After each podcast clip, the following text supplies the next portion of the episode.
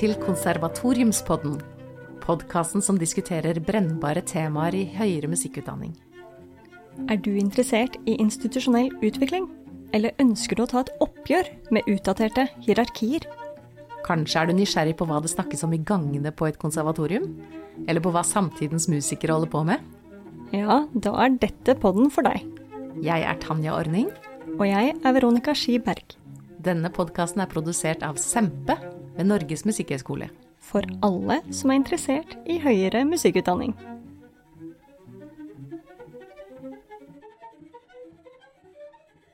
I dag skal vi snakke om kunstnerisk utviklingsarbeid, på engelsk artistic research, noe som har eksistert innenfor høyere musikkutdanning i flere tiår allerede.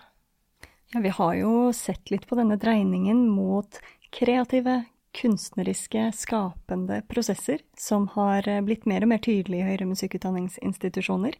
Og eh, det er vel grunn til å tro at kunstnerisk utviklingsarbeid er en del av denne trenden, eller? Ja, og det er jo eh, interessant at det er faktisk lovpålagt å drive med kunstnerisk utviklingsarbeid. Fordi eh, universitets- og høyskoleloven av 1995 sidestiller vitenskapelig forskning og kunstnerisk utviklingsarbeid. Så det vil si at alle som er kunstnerisk ansatte på en institusjon, utfører kunstnerisk utviklingsarbeid. Så dette her eh, er altså noe som gjennomsyrer hele institusjonen, det da? Ja, for i tillegg så er det jo lovpålagt å drive med FoU-basert undervisning. Så det vil si at eh, erfaringer og kunnskaper fra det kunstneriske utviklingsarbeidet brukes aktivt inn i undervisningen. Ja, riktig. Så hvis jeg forstår det rett, så er kunstnerisk utviklingsarbeid en form for forskning? Ja, absolutt. Eh, det er jo en sentral skikkelse i Artistic Research, nederlenderen Henk Borgdorf, som deler kunstfaglig forskning i tre hovedgrupper. Research on the arts, Research for the arts og In the arts. På norsk er jo det forskning på kunst, forskning for kunst og forskning i kunst. Og når vi forsker i kunst, så er det jo i selve den kunstneriske praksisen at spørsmålene oppstår. Og disse spørsmålene kunstneren stiller seg, må da også besvares gjennom kunstnerisk praksis. Så dermed blir også praksisen en metode, en måte å undersøke spørsmålene på. Og så kommer dette helt eksplisitte kravet om at man skal reflektere over dette, og dele resultatet. Både over prosessen og det kunstneriske resultatet. Det er jo kjempespennende. Jeg tenker eh, mulighetene for å åpne opp den kunnskapen som allerede ligger i feltet, er jo fantastisk. Ofte når folk forsker på ting, så er det jo ikke sikkert at de har førstehåndskunnskap om det de egentlig forsker på. Det er uh, mange musikkanmeldere som kritiserer, eller anmelder, da, uh, musikalske verk uten å være komponister, f.eks., eller være utøvere eller dirigenter. Så, um, så det at kunstnerne selv altså skal drive forskningen på sin meget erfaringsbaserte kunnskap. Dette er jo veldig gøy. Det skaper helt unike prosjekter, vil jeg si. Og det er jo styrken ved det, at du får det helt sånn idiosynkratiske, personlige universene. Og det som kunstnerisk utviklingsarbeid også er blitt kritisert for, er at det kalles me-search. At det blir veldig mye forskning på seg selv. At det blir litt sånn ekkokammer. Mm. Så derfor er jo også det viktige, og kanskje også en slags akilleshæl eh, i prosjektene, er jo å, virkelig klare å kontekstualisere det og sette seg inn mm. i en større sammenheng, en større kontekst, og, og måtte vise at man står på skuldrene til andre mm. eh, når man forsker. Ja, vi har jo snakket litt om, eh, om mangfoldet som nå begynner å utarte seg. Og eh, dette ekkokammeret begynner vel kanskje å få litt flere lag? Eller at det, at det er mange som holder på med kunstnerisk utviklingsarbeid? Det er et stort felt. Eh, I tredje syklus, altså på ph.d.-nivå, så har vi jo et program her på Musikkhøgskolen og mange andre institusjoner i Norge, og det er også internasjonalt en stor eh, retning innenfor forskning. Det blir eh, Vi skal nemlig senere i episoden snakke nettopp om disse programmene og hva som gjøres i høyere musikkutdanning Eh, knyttet til kunstnerisk utviklingsarbeid, og litt om det miljøet som, eh, som eksisterer her. Vi skal blant annet ha med oss en gjest med stor fagekspertise på dette området. Hun er leder i Arne Norheim-senteret, Norart, på Musikkhøgskolen. som er skolens forskningssenter for kunstnerisk utviklingsarbeid og oppføringspraksis. Senteret er tett knyttet til forskning og utviklingsarbeid på utøving og kunstneriske prosesser. Men først vil vi dele utsagn fra folk på huset, studenter og lærere som vil dele sine oppfatninger om hva kunstnerisk utviklingsarbeid er.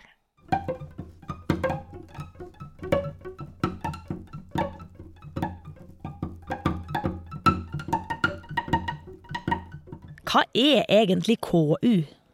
Altså Kunstnerisk utviklingsarbeid det må jo være at man undersøker noe i dybden. Og så er det jo engang sånn at en, det vi ofte kaller kunstnerisk utviklingsarbeid ved NMH, er jo nettopp disse her eh, det som tidligere kaltes KUST, som nå heter kunstnerisk doktorgrad, tror jeg. Um, og da separerer man det jo liksom fra de andre linjene, eller de andre utdanningene. Kunstnerisk utviklingsarbeid er jo da eh, noe som jeg er så heldig å ha på min arbeidsplan. Det har mine kolleger også, som er i 50% eller 100% stilling. Og det er en eh, velsignelse, fordi det betyr at vi kan sette av, og skal sette av tid, til å videreutvikle oss selv og våre fagfelt. De som holder på med kunstnerisk utviklingsarbeid, er vel enhver som holder på med kunstnerisk virksomhet. fordi det er jo på en måte alltid utvikling. Kunstnerisk utviklingsarbeid er altså noe både doktorgradsstipendiater gjør, de ansatte, og er det slik at alle kunstnere gjør KU?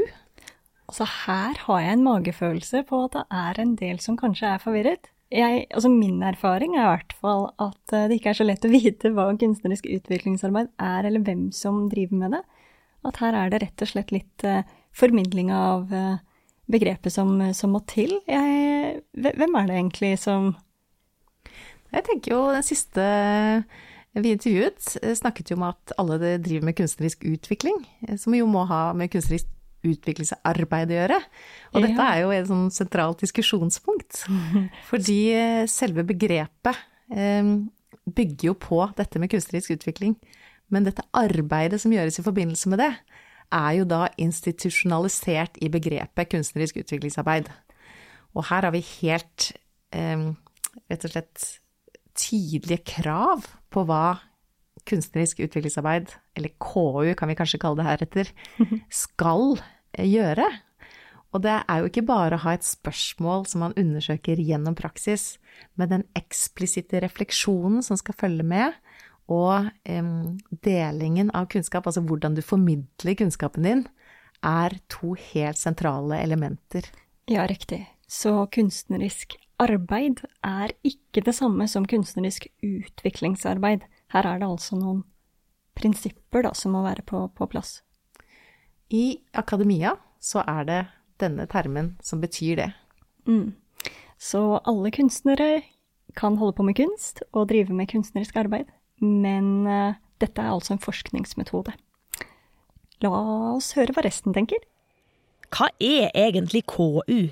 Altså Hvis man virkelig skal utvikle seg, så, så er det jo litt der med å finne utfordringer og legge press på seg sjøl. Det er liksom der eh, største del av utviklinga ligger. Hvis jeg står og øver på det samme hele tida som jeg er såpass komfortabel med, så kan jeg jo føle meg i forholdsvis god form, men jeg har jo ikke utvikla meg så veldig mye tror generelt det å utvikle seg på, på alle felt, og sånn da kunstnerisk utvikling er kjempeviktig for å klare å møte den framtida som vi måtte ser, og som vi er stadig en del av. Um, det er liksom ingenting som er mer skummelt enn stagnasjon. da. Kunstnerisk utviklingsarbeid, det er rett og slett å finne en, en, sann måte å kunne uttrykke hva det vil si å være et menneske på denne jorden, og finne sin egen eh, vinkling på det. Og jeg tror ikke menneskeheten kan klare de store spørsmålene vi står overfor uten den kunstneriske stemme. Og derfor bør vi som musikere løfte hodet vårt ut av vår, vårt lille øvingsrom og se på hele samfunnet, hele verden og hele fremtiden, og tenke hva kan vi bidra med Og det er ingen andre som kan si bedre enn oss. Men hvis vi venter på at noen eksperter eller politikere skal si det, så kan vi si det, så kan vi vente til vi blir blå i ansiktet. Så kunstnerisk utviklingsarbeid, det er rett og slett en uh, revolusjon. Så KU kan altså ses på som en slags formalisering eller anerkjennelse av at kunsten trenger å drive med de store spørsmålene også? Ikke bare spille fortere og fortere eller, eller kraftigere, eller altså faglig utvikling mot det eksistensielle, på en måte. Det å imøtekomme samfunnsutfordringer. Ja, det er jo fantastiske ambisjoner vi hørte her. Eh, og det handler jo om kunstens kraft også. At ikke kunsten foregår i den autonome konsertsalen eller The White Cube, men at vi faktisk har noe å gjøre her ute i verden. Og at vi dermed også kan beskjeftige oss med de store spørsmålene som menneskeheten står overfor. Og dette er jo eh, viktig også for legitimering av, av, kunsten og ikke minst høyere utdanningsinstitusjoner i verden i dag. Altså, vi ser jo nå, ikke minst etter pandemien, hvor viktig det er at vi snakker om kunstens rolle og kunstens mening og kunstens verdi i samfunnet. Og vi ser også her hvordan kunstnerisk utviklingsarbeid har kommet inn i høyere musikkutdanning gjennom helt systematisk arbeid eh, også i Europa. Vi har sånne grunnlagsdokumenter som heter The Florence Principles of the Doctorates in the Arts fra 2016 og The Vienna Declaration on Artistic Research fra 2020 som har ledet veien for dette kunstnerisk eh, stipendprogrammet på NMH, som startet i 2003 og som fikk faktisk ph.d.-grad fra 2017. Og vi har et prosjektprogram fra 2010, og vi ser, som jeg snakket om, mange paralleller internasjonalt. Ulike modeller for, med kunstnerisk utviklingsarbeid i høyere musikkutdanning. Vi har også en nasjonal tverrfaglig forskerskole i kunstnerisk utviklingsarbeid som heter DIKU. Så KU, kunstnerisk utviklingsarbeid, skjer altså overalt. Ja. Og vi nevnte jo tidligere at det gjennomsyrer jo høyere musikkutdanning. Så selv om det er litt, uh, litt om og men hvordan man definerer det, og om alle helt er innforstått med hva begrepet innebærer, så er det jo spredt ned til både master- og bachelornivå når det gjelder uh, metoden. Da. De refleksive praksisene skal nå etableres godt gjennom alle trinn.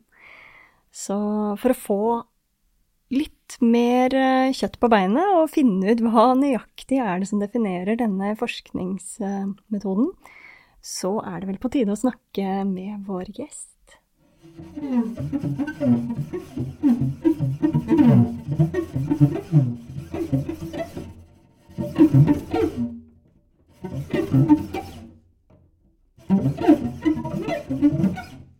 Denne episodens gjest er Ellen Ugelvik. Hun er en internasjonalt anerkjent samtidspianist. Hun har vunnet flere Spellemannspriser og prisen som årets utøver i Norsk Komponistforening. Ellen er leder for Arne Norheim-senteret på Musikkhøgskolen. Hun har selv en kunstnerisk ph.d., og hun er prosjektleder for Performing Precarity, også på Musikkhøgskolen. Velkommen til Konservatoriumspodden, Ellen. Tusen takk, Tanja. Gleder meg. Så hva er egentlig kunstnerisk utviklingsarbeid? Ja, det er et veldig godt spørsmål. Eh, som jeg har tenkt mye på at det eh, starter ofte med at eh, man finner et eller annet som skurrer i det man holder på med. Det kan være et slags problem eller noe man bare liksom føler ikke stemmer. Og det kan være noe Eh, i rollen som musiker eller komponist, eller noe, noe, som er uutforsket. Og så gjelder det på en måte prøve å formulere noen forskningsspørsmål, sånn at man liksom kan definere hva det er man liksom syns er verdt å utforske nærmere. For eksempel i det prosjektet som heter Performing Precarity, så er vi litt lei av at vi som klassiske musikere er på en måte drillet til å mestre.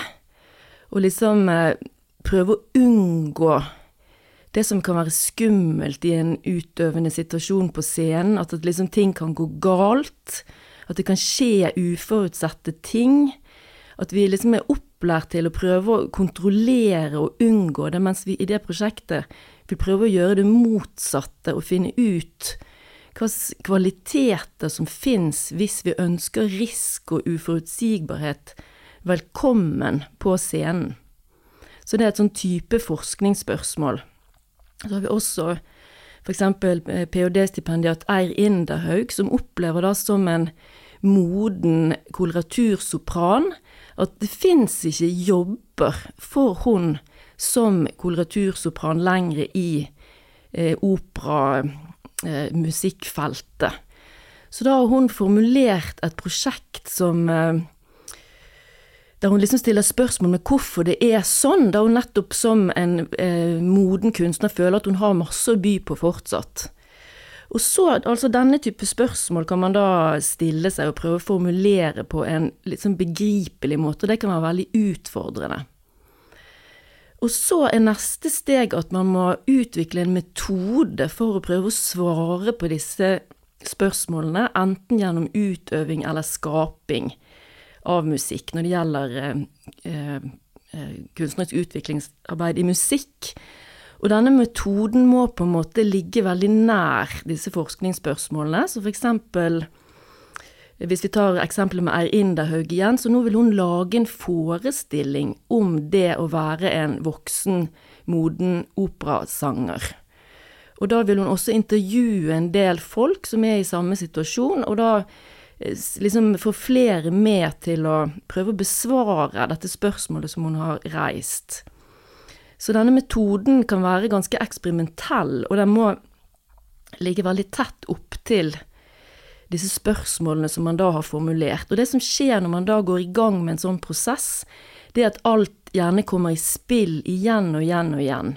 Og dette må man da reflektere over, og da må man være villig til å på en måte gå den veien som kunsten tar deg, og kanskje omformulere disse spørsmålene som du hadde i starten, og eh, bygge et slags eh, stillas på nytt og på nytt for å prøve å nærme deg det som skjer underveis i prosessen. Og det som skjer der, den formidlingen av det som skjer, kan man kalle for refleksjon. Og i denne prosessen så kan man eh, møte andre kunstnere, lese tekster, være med i andres prosjekt, lære nye ting. Alt som blir liksom en del av denne prosessen og refleksjonen vil da bunne ut i et kunstnerisk resultat. Som er da et eget produkt, men som må være knyttet til det som har foregått i de skapende og utøvende prosessene. Og så avslutningsvis så må man formidle arbeidet, og da helst gjerne på en måte som speiler eh, prosessene som har vært. Og da fins det ulike typer eh, formidlingsmuligheter. Det kan være vanlig eh, skriving, det kan være eksperimentell skriving. Det kan være videopapers, audiopapers, essays. Noen har gitt ut romaner. Man kan lage radioprogram, filmer. Det fins liksom ingen, ingen, grenser for hvordan man kan formidle det man har kommet fram til og funnet gjennom eh, forskningen. Vi har jo en slags norsk modell for kunstnerisk utviklingsarbeid. Hvordan skiller denne seg fra kunstnerisk utviklingsarbeid, eller det vi kaller da også artistic research, i andre land?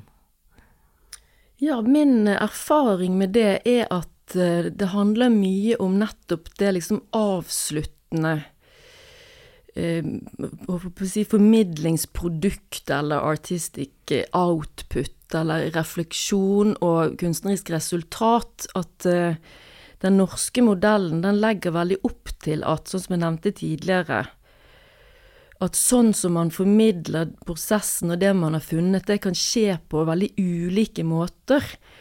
Nettopp gjennom da Eh, det som jeg nevnte, audio papers, video videopapers, eller mer sånn eksperimentell skriving, mens min erfaring er at, at det er nokså utbredt at det er krav om en litt sånn annen type, større skriftlig i retning av vitenskapelig arbeid på mange andre musikkhøyskoler og konservatorier. Så det er nok den store forskjellen, etter min mening. Nå har vi spurt eh, folk på huset her hva de eh, tror er kunstnerisk utviklingsarbeid, og, og, de aller fleste legger jo da vekt på at det er vel en slags utvikling som skjer i den kunstneriske praksisen. Og hva tenker du er eh, Ja, er dette kunstnerisk utviklingsarbeid det alle studentene og lærerne gjør her på huset når de utvikler seg kunstnerisk? Det som jeg tenker eh, vi kan bli bedre på, det er f.eks. det å øve. Det er ikke kunstnerisk utviklingsarbeid, fordi det er ikke til for noen andre. For at det skal være kunstnerisk utviklingsarbeid eller kunstnerisk forskning, så må det ha en betydning for andre. At noen andre kan ta opp i seg det som eh, hver har funnet ut, og bruke det i sitt eget virke. Så det er en slags kunnskap som du har, som må løftes ut av dette øverommet, så å si? Gjennom en refleksjon eller gjennom en eller annen form for formidling?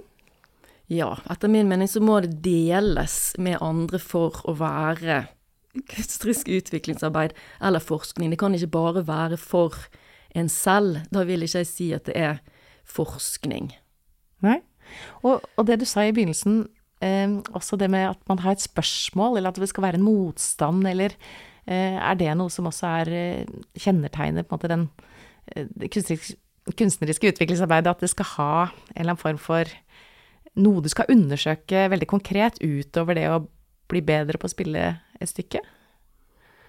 Altså, jeg tenker vi skal prøve å være liksom, Jeg har tenkt veldig mye på hvor enkelt man kan prøve å besvare det, liksom hva kunstnerisk utviklingsarbeid er. Så tenker jeg det at det handler om å stille et spørsmål og besvare det gjennom skapende eller utøvende prosesser, og så formidle det man har funnet. Hvordan kan kunstnerisk utviklingsarbeid eh, komme tidligere inn i studieløpet, altså i bachelor og master?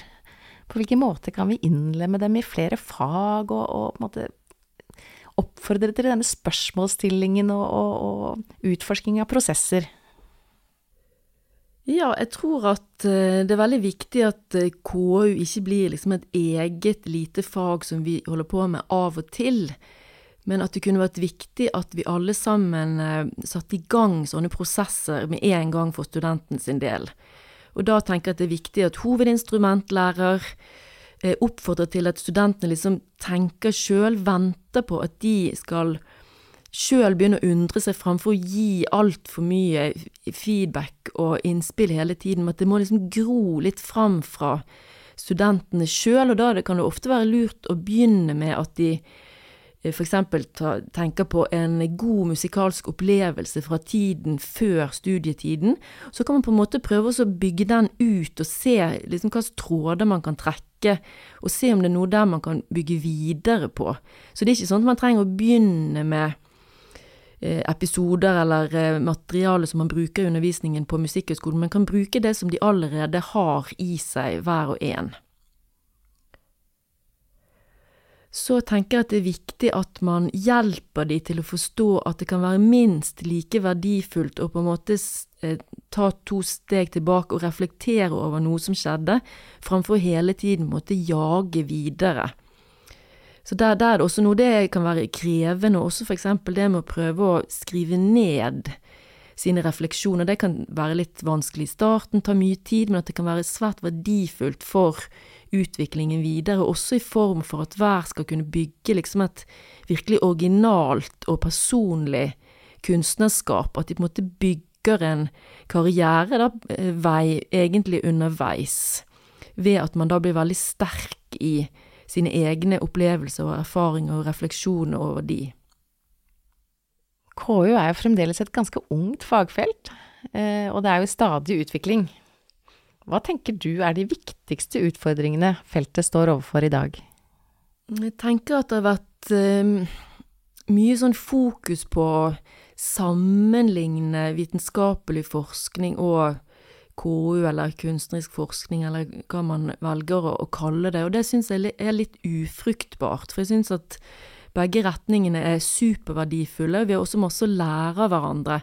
Men jeg tenker at det ikke er så viktig å hele tiden Eh, holde disse her opp mot hverandre og prøve å finne nødvendigvis likhetstrekk. For jeg tenker nå når denne f.eks. ph.d.-graden er etablert, så er det på en måte det kapittelet litt over.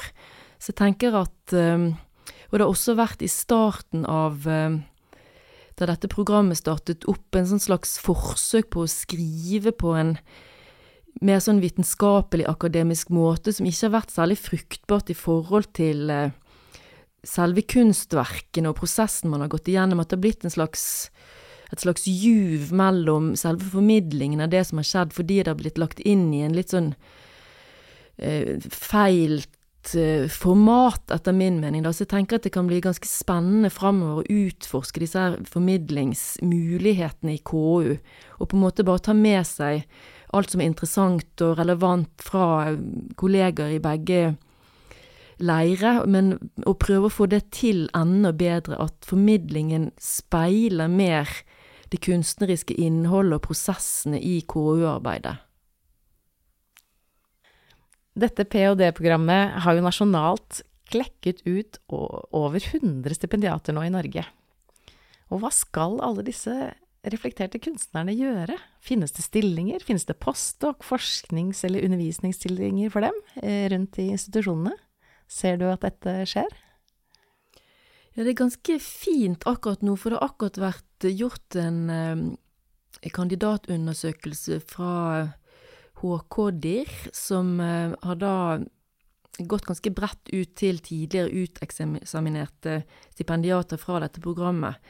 Og der var det utrolig mange fine og hyggelige funn, og det vil si at det er svært mange av de som har gått ut, som har fått seg jobber i relevant med relevant fagområde, og det er også veldig spennende å se at veldig mange av disse de har fortsatt å jobbe på en sånn tverrkunstnerlig måte. Det var et veldig sånn tydelig trekk ved den undersøkelsen.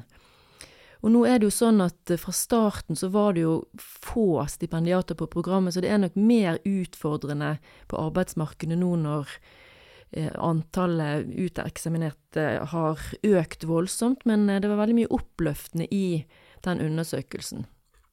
Hvis du er en musiker som er interessert i å ta en kunstnerisk doktorgrad, hva er dine tips til dem? Ja, da er det dette med å snakke om prosjektet absolutt hele jævla tiden. Fordi det handler veldig ofte om det der at man har en sånn hunch, men så er det ganske vanskelig å prøve å koke den ned til å bli forståelig for andre, og på en måte verdifull for andre, for det er veldig viktig å ta med seg, fordi det er en slags litt sånn misforstått oppfatning av dette programmet, at det er en sånn slags, bare en sånn forskning på en sjøl, at det er litt sånn uh, En litt sånn merkelig måte å forske på som på en måte ikke er relevant for andre, men det handler rett og slett om det der hvordan det kan ha betydning for andre. Da må det også være mulig å begripe det som personen ønsker å utforske. Da, så da rett og slett jobbe så godt som mulig med å få til disse spørsmålene. Og det er virkelig av og til veldig, veldig vanskelig. Så da er det dette med å snakke med alle slags typer folk, gjerne med folk som ikke har peiling på ditt felt i det hele tatt, for å liksom prøve å konkretisere det. Så er det egentlig å designe det eh, prosjektet ditt. Og da vil vi på Norart veldig gjerne diskutere prosjektet med de som er interessert, og jeg har allerede vært i kontakt med veldig mange som har lyst til å, å teste ut er dette KU eller ikke, og hvordan kan det bli et prosjekt som på en måte passer inn. For det må jo også passe inn på en måte til det skolen har å tilby, og det er liksom dessverre litt i form av lokaliteter, og selvfølgelig er det et budsjett, så det må liksom Det er noen sånne parametere som man må, håper jeg, dessverre ta hensyn til.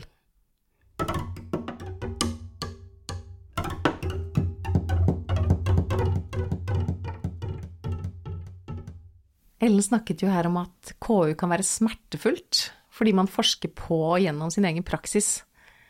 Da går man jo personlig til verks, man utfordrer seg selv som kunstner, og det kan jo være sårbart. å rett og slett gå inn der det brenner, der det skurrer, som hun sier, Eh, når det står noe på spill. Og dette med å tørre å stille spørsmål både med verdier og sånne tatt for gittheter i praksisen, er jo noe som er risikabelt på mange måter. Og samtidig så ønsker vi at studentene skal eh, jobbe med dette mye mer aktivt tidlig i studiene. Mm. Det er jo f.eks. nå sånn at man sender inn prosjektbeskrivelser til masterstudier, og Det er flere studier som innebærer prosjektbeskrivelser, sånn at man er nødt til å tenke over egen kunstnerisk praksis allerede i studietiden.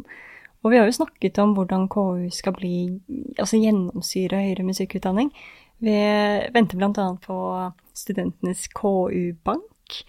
Det blir veldig spennende, hvor det blir videosnutter med kunstnere som driver med KU, og som kan skape mer bevissthet om den kunstneriske, sånn refleksive prosesser. Og det er jo en liten treningssak, det her. Hvordan å tenke rundt en, en skapende prosess. Og ikke minst å tørre å stille spørsmål, hvordan man stiller kritiske spørsmål. Det er jo ikke noe vi blir opplært til, eh, særlig ikke den klassiske musikken. Og det er mye enighet og normer og konformitet, sånn som vi snakket om i Musikkpolitiet. Ja, det er jo litt gøy, for på en måte så er dette den andre siden av, eh, av spekteret, da. De henger jo sammen, og det ene utelukker jo overhodet ikke det andre. Men hvis man står eh, mellom den felles kollektive sannheten og det å skulle skape sin egen stemme og drive med utforskende prosesser, så er vi nå i, i et landskap som kanskje er litt mer sårbart. Og her er jo Sempe flere prosjekter enn Scuba. De har annet eh, eh noe som Ingfrid Brei Nyhus driver som heter KU-basert utdanning. Og hun har også en tenketank rundt dette. Og de hadde et seminar sammen med eh, Universitetet i Tromsø, Norges arktiske, arktiske universitet, i fjor om KU i høyere musikkutdanning. Og det var utrolig mange interessante bidrag, eh, som ikke minst viste våre skandinaviske naboer eh, hva de holdt med. Og jeg vil jo si at kanskje Danmark har kommet aller lengst i å inkorporere KU som begrep og praksis helt fra bachelorstudiene. Ja, i Danmark er de kanskje De er veldig flinke på sånne studentsentrerte, såkalte progressive undervisningsmodeller hvor eh, det legges mer til rette for at studenten skal reflektere over egen læringsprosess og kunstneriske prosesser. Så det er mye, det er mye gøy å se på der. Men vi har jo også eksempler fra her i Norge, hvor forskningsprosjekter har blitt gjort om til fag, til og med. Ja, jeg er med på et prosjekt som heter Extended Composition hvor eh, vi problematiserer det å, at man komponerer med mer enn lyd, altså rett og slett bevegelse og tekst og mange former for materiale i komposisjon. Og det er jo også blitt et valgfag ved skolen som studentene kan velge. Og det var et uh, veldig interessant prosjekt hvor jeg fikk lov å utvikle noe som jeg kalte Ensemble Studies, sammen med en danser, en dramaturg og en hardingfellesspiller. Så vi undersøkte hvordan det var å komponere med en sånn tverrfaglig setting hvordan komponerer vi med dramaturgi, bevegelse, i rom og med musikken? Så det resulterte i en forestilling på Ultima i fjor. Eh, og vi holder nå på med å reflektere eh, over dette her og se på alt materialet som vi har holdt på med i over to år. Ah. For det er jo noe med kunstnerisk utviklingsarbeid at det er, skaper noen arbeidsbetingelser som er helt fantastiske. At man virkelig får gå i dybden på noe over tid. Og får arbeidstid til å gjøre noe som kanskje hadde vært vanskelig å gjøre i det frie feltet. Mm. Det er jo også spennende hvor kontekstualisert den refleksjonsprosessen gjør selve arbeidet. Det er jo veldig fint å jobbe tverrfaglig for å tenke på kunst som en Som den kraften kunst har, da, på, på tvers av fagdisipliner også. Og her kommer jo også, i tillegg til refleksjon, dette med metode inn, som er eh, kanskje det viktigste eh, å utvikle videre innenfor KU. Fordi metoden skjer på kunstneriske premisser i den kunstneriske praksisen. Og eh, utvikler dette utviklingsarbeidet, for så å si, så er det jo viktig at, at at man jobber for å dele det også, selv om det er helt idiosynkratisk og personlig. Så refleksjon og formidling er altså nøkkelord da, i denne typen arbeid? Og apropos kontekstualisering, så er jo refleksjon og formidling nøkkelord i KU. Og på Musikkhøgskolen er vi jo medeiere i det som heter Research Catalog, som er en helt strålende formidlingsplattform for flermediale kunstverk. Altså ikke bare skriftlighet, men du kan vise video og lyd. Eh, og putte dette på et sånn canvas på en sånn ikke-lineær måte, eller du kan gjøre det helt lineært. Men det er iallfall en sånn plattform som gir helt eh, andre muligheter for formidling av kunstnerisk arbeid. Eh, og I tillegg så er NMH nå pilot i noe som heter Norsk vitensarkiv, som skal være en, eller bli en formidlingsplattform for all forskning, altså både vitenskapelig og kunstnerisk forskning. Ja, så hvis man er interessert i KU eller Artistic Research internasjonalt, så er det Research Catalog som gjelder, altså. Det er researchcatalog.net. Og da gjenstår det vel bare å se hvilke prosjekter som dukker opp der etter hvert.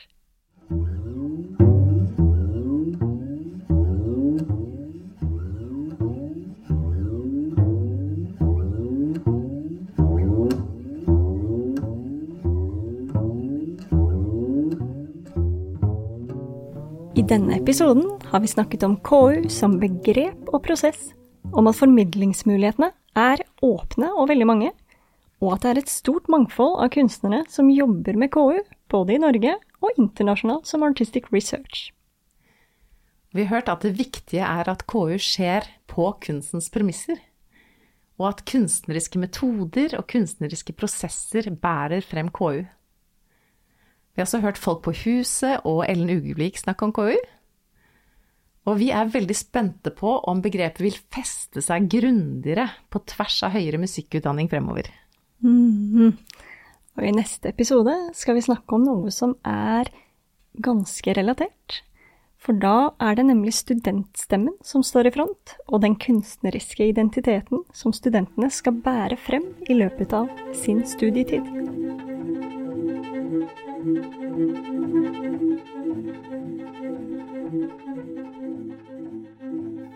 var tredje episode av Konservatoriumspodden.